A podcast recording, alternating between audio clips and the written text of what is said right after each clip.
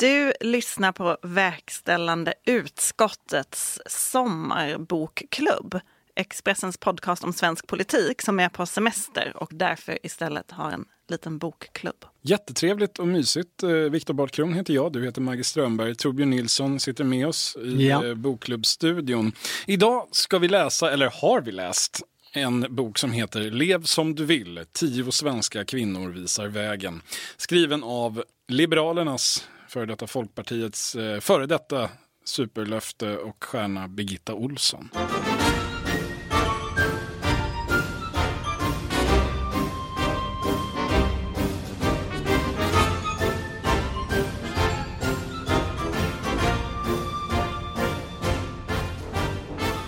Maggie, vad gör du av... Vi ska säga att det här är en barnbok. Så vi är Ja. inte helt målgruppen. Men vi tar på oss rollen som målgrupp. Eftersom det finns en stark koppling till svensk politik. Eh, Maggie, du får berätta om den här boken. Som kom ut eh, i år, va? Ja, precis. Den här boken är ganska ny, kom i, våras. Ehm, och det är en bok med berättelser om tio kvinnor. Viktiga kvinnor ur den svenska historien. Eh, det är Ingrid Bergman, började med. Det är tch, drottning Kristina. Det är Astrid Lindgren. Det är Heliga Birgitta, Katarina Taikon, Fadime Sahindal, Elise Ottesen Jensen, Sonja Kowalewski, Selma Lagerlöf och Greta Thunberg. Alla ska med. Och man kan väl säga så här, det är ju en bok för, ja, vad kan man säga, kan det vara mellanstadiemålgrupp kanske? Om någon Ja. ska läsa själv. Och eh, det är så här tre, fyra sidor per eh, författare, eller per, per person, författare eller annan person. Eh, där hon berättar liksom om deras liv och vad de gjorde som var eh, speciellt, hur de har varit viktiga för kvinnokampen kan man väl säga. Eh, och sen så med lite så här punkter, hur man kan lära sig av den här personen eller hur man kan leva som den här personen. Hur man kan utveckla sitt eget liv för att eh, bli lika fri och framgångsrik som de här kvinnorna. Den är ju väldigt lik de här eh, böckerna, eh, Sagor för eh, superhjältar, heter den inte? Rebelltjej. Rebelltjejer. Eh, som är en internationell variant där man också har eh, Fast där man har väldigt många fler och där det inte är så många svenskar. I första boken är väl Astrid Lindgren den enda svensk Man kan ju säga att- kvinnor. Hon har ju snott det konceptet rakt av. Fast eh, sen gjort ett eget urval av, av svenska. Ja, personer. och li, ändå, det här är ändå lite djupare än den där Rebelltjejer-boken där det är otroligt korta och ganska ytliga eh, berättelser. Okej. Här finns ju både då eh, li, lite längre text om personerna och också sen så just de här små faktarutorna. Så här kan du själv bli en fri feminist. Det är ju något så konstigt som en självhjälpsbok för barn. För tioåringar. Ja. Vilket väl absolut kan behövas. Det är väl inte så himla konstigt. Nej, det är, det är nog inte. Eh, nej, men det, nej, nej vi, vi kommer till det. Eh, vad tyckte ni om den här boken då? Ja, men man får lägga in det här obligatoriska då att jag är inte målgrupp, men. Eh, nej, men det är ju en, det är en väldigt eh, hårt formaterad, alltså jag säger så här, den är ju, det är kanske inte så att man överraskas, vare sig av urvalet av personer eller av verkshöjden eller någonting annat. Jo, en sak överraskade mig, det var när det eh, inspireras av Heliga Birgitta eh, så ska man skippa skärmar. Mobiltelefoner, datorer och tv. Kanske läsa en bok, vila och tänka på sånt som gör dig lugn. Och detta baserat på ett citat från denna 1300-talskvinna som eh, lyder Det anstår inte den vise att ha bråttom. Eh, eh, ska man vara lite, lite elak, vilket vi ska vara i början av den här bokklubben, eh, så, så är väl det här ett, eh, jag ska inte säga ett havsverk, men ett väldigt enkelt jobb. Det här är ju i praktiken, skulle ju kunna vara ett lite förlängt reportage i en tidning för unga tjejer som en praktikant fick researcha ihop på Wikipedia. Ehm, efter att man har brainstormat ett urval av personer i 15 minuter. Det är ju, eh, behöver inte nödvändigtvis vara något dåligt, men det är ju där, där, där liksom, det, det är inte helt... eh, Du tycker inte det här kan kallas en bok? Jo, det kan det ju uppenbarligen. Det är tryckt på hårt papper och, och inbundet och, och, och sådär. Och fint illustrerat är det, ska vi säga också. Jättefina illustrationer av Lina Bodén. Men det är kanske så att, eh, ja, man kan väl säga så här, en okänd författare som hade hört av sig med den här idén hade kanske inte fått den utgiven på det sätt som det blev. Det här är ju ett, en bok som säljs väldigt mycket på namnet Birgitta Olsson snarare än någonting annat. Så kan man nog säga. Är det här en folkpartistisk bok, Torbjörn? Vilken bra fråga. Den är, det, det, alltså, huvudintrycket med den här boken är att det är en präktig bok. Och på det sättet så är den ju folkpartistisk. För huvudintrycket av liksom medianen, det man kan enas om i Folkpartiet är ju att det är bra att vara präktig.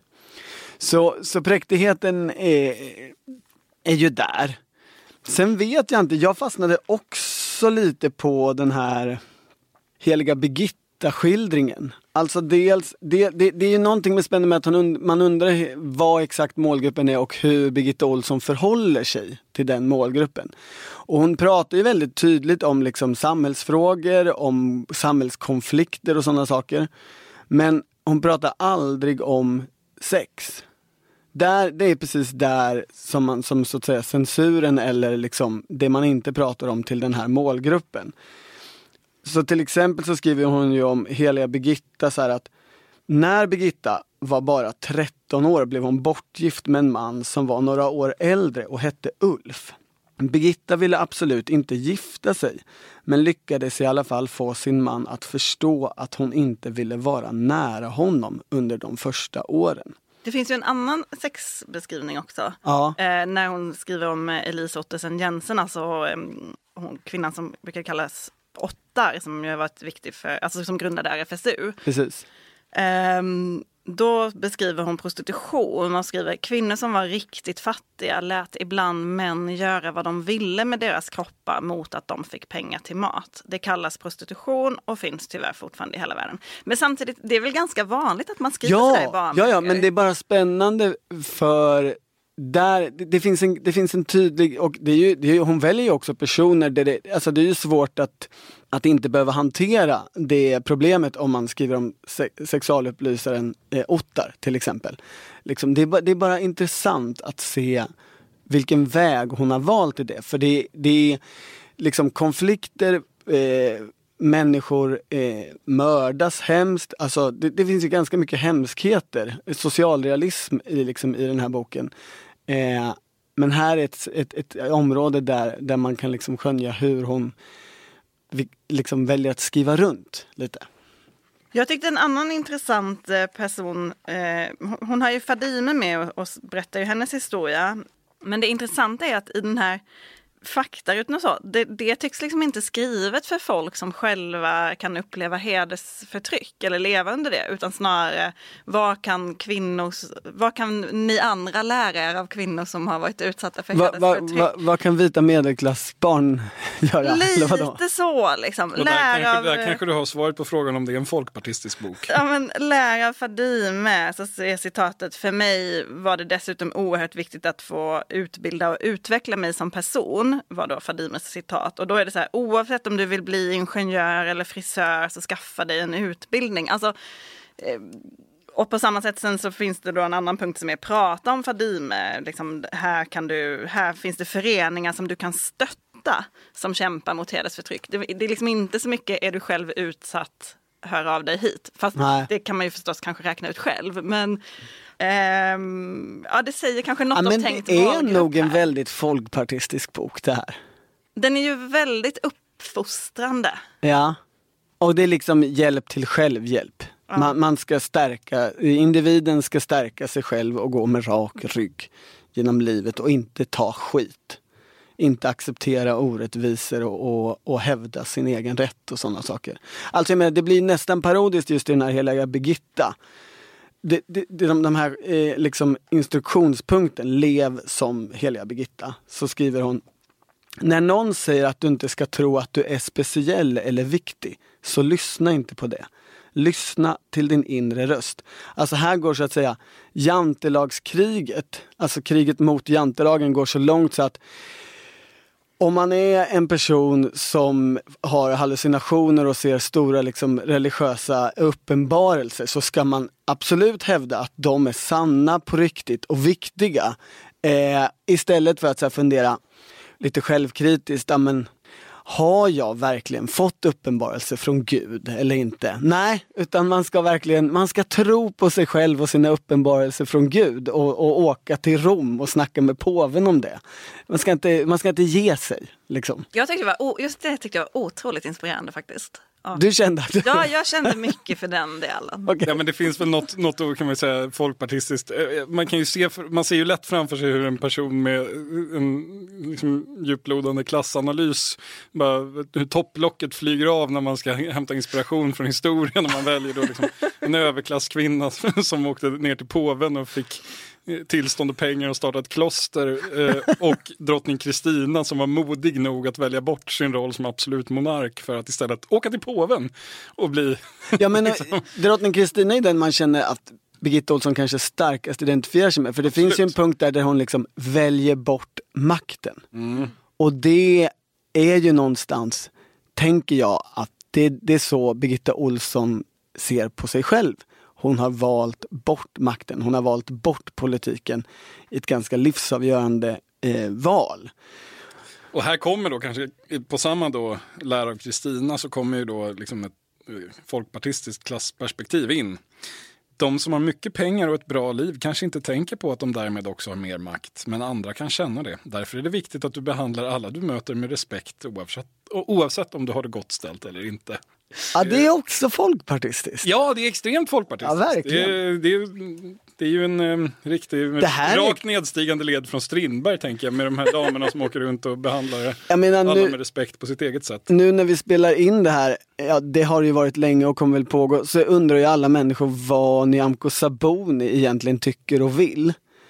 Men det här Det är ju, kan ha framkommit Det, det, här är ju, det här är ju som det här är ju liksom partiprogrammet. Hon borde bara ta det här som partiprogram och köra det. Ja, men det, det, det väcker frågor det här valde bort makten. Eh, alltså, det som ändå svävar över allt med Birgitta Olsson är ju, hon, hade hon kunnat vara Liberalernas partiledare och hur hade det då sett ut? Det är ju en fråga som har ställts under väldigt många år och som väl fortfarande ställs för detta 3,3 procents parti. Ja. Um, Viktor, Vad, vad, vad Hur hade- exakt det frågan? säger den här boken någonting om hur Liberalerna hade varit med Birgitta Olsson som partiledare? Jo, men det i den mån vi inte redan anade det. Så, alltså, den här boken visar ju om någonting att Birgitta Olsson är true to form. Hon är den Birgitta Olsson vi känner eh, och har känt länge i Sverige, i svensk politik. Eh, vad hade Liberalerna varit? Ja, ett lite mer aktivistiskt Centerparti, kanske man kan säga. Eh, de hade ju tyckt ungefär samma saker. Där ska man inte, det, det finns de som tror att Liberalerna plötsligt hade blivit någon form av eh, Vänsterparti. Precis, Ja. någon form av eh, såhär, Jonas Sjöstedt minus ehm, det där med typ planekonomi. Men Birgitta Olsson är ju en eh, ja, ganska liberal politiker på många områden. Däremot så hade det ju blivit mer av symboltunga utspel. Det kan vi nog räkna med. Nej men det, det som ofta hölls emot Birgitta Olsson när, hon, eh, när det talades om henne som en framtida partiledare var ju att hon var en så splittrande figur. Att hon skulle splittra detta lilla parti och att det därför inte skulle fungera.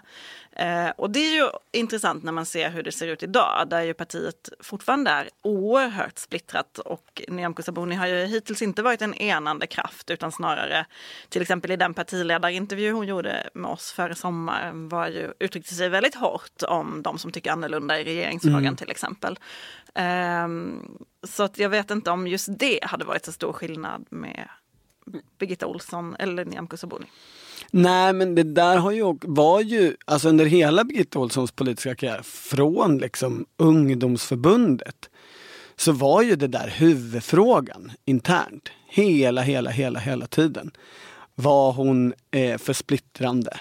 Eh, kunde hon tona ner sig själv, lyssna på andra, få an, andra med i grupp och så vidare. Alltså, det började ju liksom med de här liksom luftstriderna där det var hemskt att hon och Velmar Klamberg som, som ju hon, hon senare gifte sig med, hade stora vegetariska eh, liksom, eh, storkok i, i eh, Lufs lokaler och så bråkade man om det för att det luktade liksom illa tyckte folk. Och så här. Alltså, hela hennes pälsdjurs mot, liksom, motstånd mot uppfödning av pälsdjur och, och det här var ju på 90-talet. Ja, men det är ju det gamla frågor. ju- Men det, det har ju alltid varit så att säga hon är för stridbar eller för stökig eller för problematisk. Och det, därför så är ju liksom, den här boken handlar ju mycket om att man ska få vara det.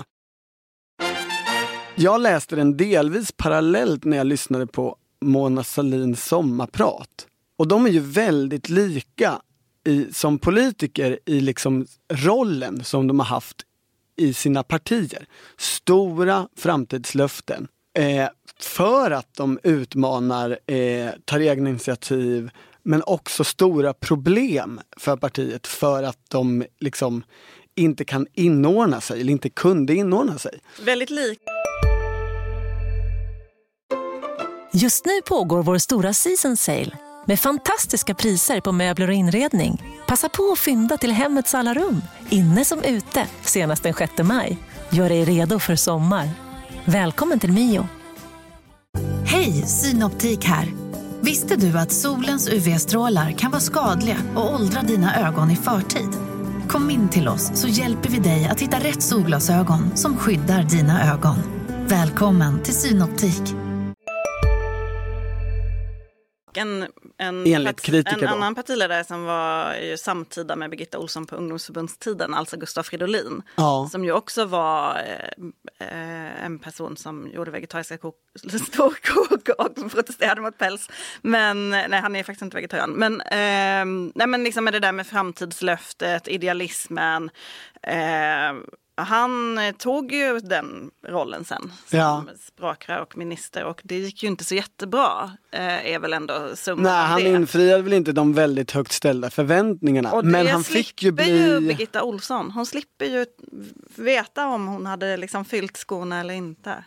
Det är sant. Men han fick ju bli språkrör eller partiledare.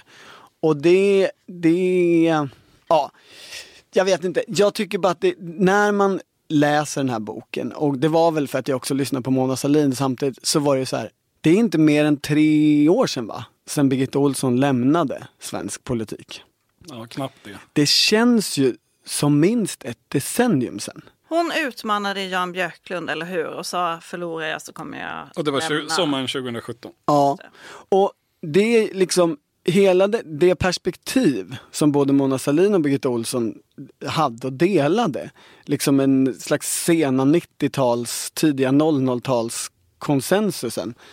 Den är ju väldigt off idag i det politiska samtalet. Den, den finns ju inte där som liksom stark eller levande kraft.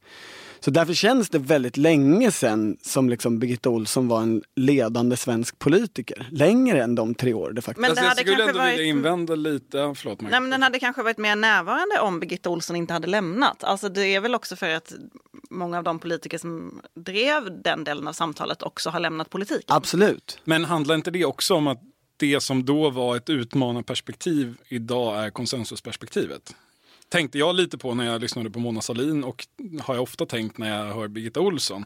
Att man fortsätter att ha attityden från när man var en utmanare och kom fram i en tid, eh, jag menar, tiden innan eh, samkönade äktenskap Ja. var, var någonting som eh, ansågs korser av en bred majoritet eh, där liksom, socialdemokrater och moderater hade fria omröstningar i riksdagen för att det var så känsligt. Det, det har ju hänt väldigt mycket i den typ av frågor där man tog strid från början.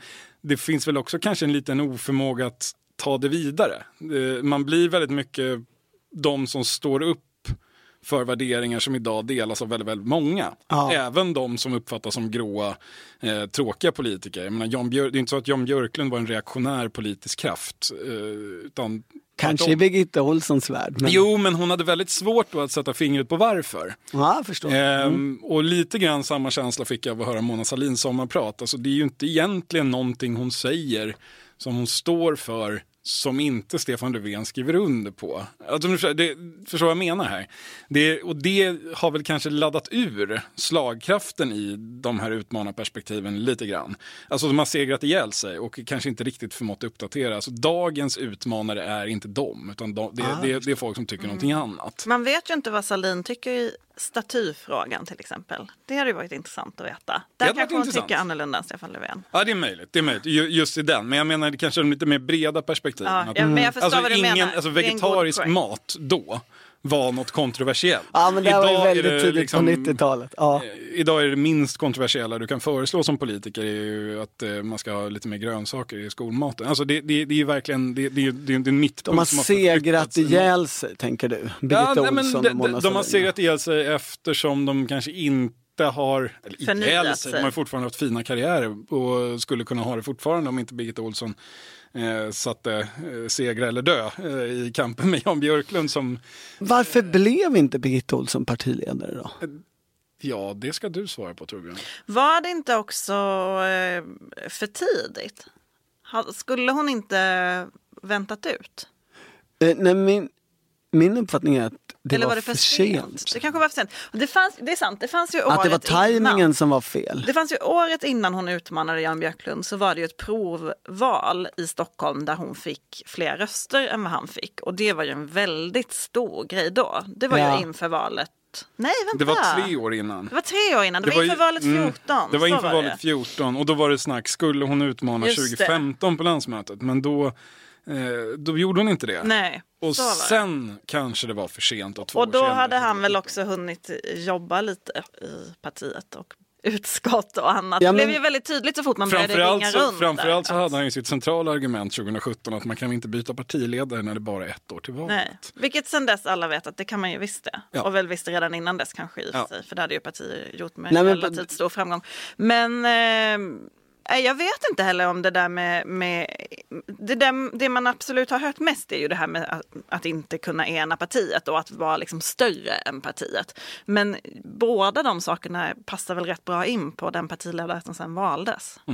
Min bild är ju att det var just tajmingen och Jan Björklunds skickliga motarbete eh, som ju pågick länge, eh, ska man säga. Men på den här tiden så jobbade ju jag på Fokus och vi gjorde ett omslag ett år eller lite mer än ett år innan hon faktiskt utmanade.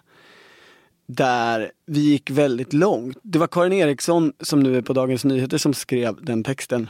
Vi sa att det här var nästa liberala partiledare. Därför att underlaget till den där artikeln var liksom alla ville ha Birgitta Olsson. Också sådana människor som i alla tider, från liksom luftstriderna, hade avskytt Birgitta Olsson. De tyckte nu att Birgitta Olsson har blivit vuxen, hon lyssnar på andra, hon kan samla, hon kan ena. Den här partiledningen vi har idag kan inte göra någonting vettigt i framtiden. Vi måste liksom riva av plåstret. Vi måste ge det till Birgitta. Det är hon som är framtiden. Och då Alltså det var liksom, det, det riktigt intressanta i det skedet var ju att det var ju inte Birgitta Olsson-supportrarna som starkast drev hennes namn utan en grå massa och därtill några av hennes gamla kritiker. Men då utmanade hon inte. Och under det år eller ett och ett halvt som sen gick så hann liksom den där bilden på något vis förändras och positionerna, hennes position försvagas. Eh, Men varför? Var, vad var det som hände? Ja, det kan jag inte redogöra för i detalj från minnet. Det, det enkla svaret är Jan Björklund. Jan Björklunds extremt skickliga liksom, fotarbete. Snacka med, sin, med, med, sina, med sina länsförbundsordförande eller vad de heter i det där partiet. Eh, snacka med ombudsmän, räkna in, se till, här stopp, så här stoppar vi henne. Alltså, han är, ju, Ja, han men- är väldigt men- bra om på man säger sånt. så då, va, va, varför ville han så gärna inte ha Birgitta Olsson som Han ville ju sitta, nej men då handlade det väl om att han fortfarande ville sitta kvar. Men det var ju intressant Men de för hade ju då... kunnat göra upp om en ordnad övergång. Men Kanske då pratades det ju också om att det skulle stå mellan Birgitta Olsson och Erik Ullenhag. Ja, och sen precis. blev det ju liksom Erik Ullenhag mot Nyamko Sabuni och då var ju plötsligt, då såg ju plötsligt Birgitta Olsson och Erik Ullenhag ut lite grann som samma person. Eh, så den stora skillnaden som målades upp mellan dem var kanske inte heller så... Nej men och det där är ju spännande i ett större perspektiv för liksom både Erik Ullenhag och Birgitta Olsson kom ju från liksom mjukis eh, liberalhållet. Så all, det fanns ju en, under den perioden så var det ju så här, efter Jan Björklunds batonger så kommer det komma två stycken stora social mjukisliberala krafter och det kommer bli en av dem, alltså kommer det bli ett skifte. Tittar man då, ja men då lyckades, då lyckades man både manövrera ut först Birgitta Olsson och sen, eh, och sen, had, eh, och sen eh, Erik Ullenhag.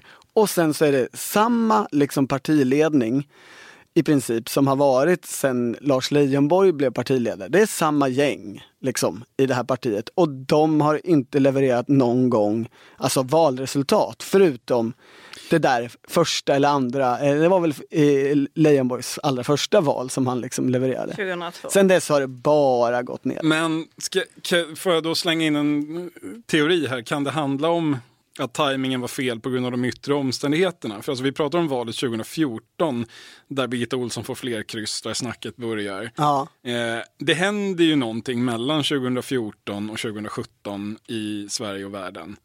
Det hände ju, alltså, i valrörelsen 2014, det är ju då Gustaf Fridolin och Feministiskt initiativ badar mm. fontän på Mariatorget. Det är då som eh, Åsa Romson håller sitt Almedalstal om, om eh, medelålders vita män. Det är då Folkpartiet, som de hette då, härligt nog, eh, går till val på en kampanj för att möta den här rosa vågen med parollen feminism utan socialism. Man skickar fram Birgitta Olsson överallt. Ja. Hon väljer att inte utmana i det läget. Sen händer flyktingkrisen. Sen händer liksom den vindkantringen i eh, hela alltså politiken. alla policyomsvängningar ja, ja, alltså väldigt, väldigt många ja. omprövningar görs om vad som är centralt och viktigt i politiken. Det framstår inte alls 2017 lika trendigt med att vara grönrosa. Eh, Nej. Tvärtom. Nej men feminism och genusvetenskap möter ju också en massiv motkampanj. Ja, det, det står, princip, liksom, det står betydligt lägre i kurs. Mm. Ja. Det, det, som anses vara liksom höjden av modernitet och trendriktighet 2014 gör det inte längre 2017 och i det klimatet kastar hon fram sin utmaning. Nej, det är klart att förutsättningarna är lite annorlunda. Även om de kanske inte själva tänker på det på det sättet så, så det vore konstigt om det inte påverkade. Det EU-valet 2014 är ju verkligen kulmen på den liksom eh, 90-talsliberalismen i, i liksom minoriteters rättigheter och mänskliga rättigheter. Eh, allt, allt, allt regnbåge. En, och liksom... Eh, när Feministiskt initiativ väljs in i Europaparlamentet med en romsk kandidat. Ja, det, Samtidigt det är väl som Miljöpartiet starkt. kanonval. Ja, blir andra största parti. Precis, större än Moderaterna. eh, men, men hon bara... hade ju, för jag, men jag måste få säga en sak där. Jag menar, just därför, för att det var kulmen och det kom liksom en, en man kunde ju se, här kommer det liksom, ja när motreaktionen var så stark och kom. Då hade ju en stridbar liksom Birgitta Olsson kunnat verkligen göra sig gällande. Så det är lite konstigt också att så här, det var ju en utmaning. Birgitta Olsson mot Jimmy Åkesson. Vem ska vinna? Men nu blev det Annie Lööf mot Jimmy Åkesson ja. istället. Jag undrar, kommer ni att läsa den här boken för era barn? Eller är det för stor risk att de blir folkpartister? Det är ju en sån här fråga där man får call the fifth amendment. Alltså det, den kan man inte besvara utan att eh, göra sig olämplig i sin yrkesroll. Eh, så, så det kan jag tyvärr inte göra. ja. Känner du att du har större... Torbjörn, du har ju, du, du, det, det, ligger ju närmare till hands för dig om vi säger så, utan att gå in på familjeförhållanden i detalj. Ja, jag, jag försökt, försökte läsa den här originalet då. Eh, Godnattsagor för rebelltjejer för eh, femåringen. Som är, är intresserad av historia, eh, relativt för en femåring. Funkade inte alls. Varför inte? Äh, för tråkigt. Hon är mest intresserad av Vasaskeppet. För lite, för lite action. Hon är med andra ord normkritisk på riktigt. för lite intrig. Och det, det är inte så mycket intrig här heller. Men eh, får väl testa då.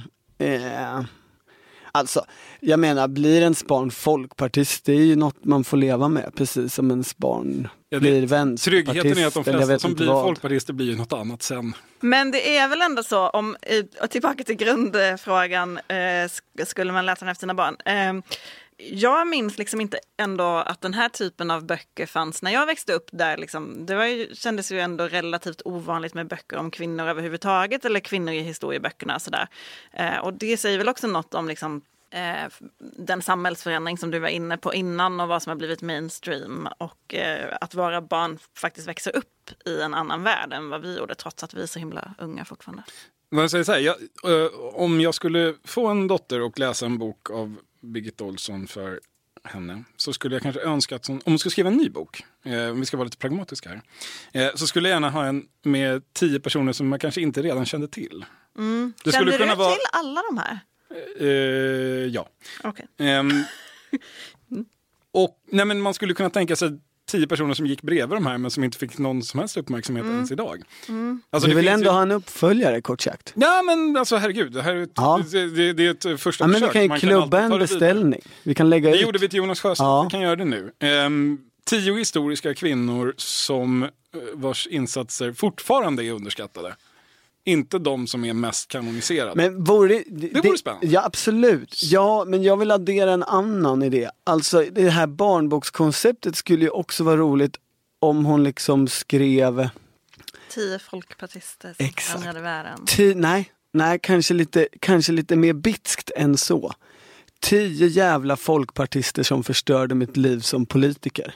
Illustrerat Illustrerat och sen två och en halv sida långt var, varje person med samma språk som, som hon skriver nu, vilket, vilket är ett liksom bra barnanpassat språk. Och sen fina illustrationer. Och sen liksom eh, tips, lär av Lars Leijonborg hur du strategiskt, lär av Johan Jakobsson hur du Teori. sänker en... Den, den jag är boken beredd, skulle jag jag, är vilja ha. att lägga, bordlägga min egen beställning. Jag vill också ha den här. Ja, Så, eh, ja, Birgitta Olsson, vi hoppas att du skriver den boken. eh, det här var ett eh, sommaravsnitt av Verkställande utskottet, Expressens podcast om svensk politik. Och missa inte nästa avsnitt, för då kommer vi prata om Per Schlingmann. Herregud. Ja.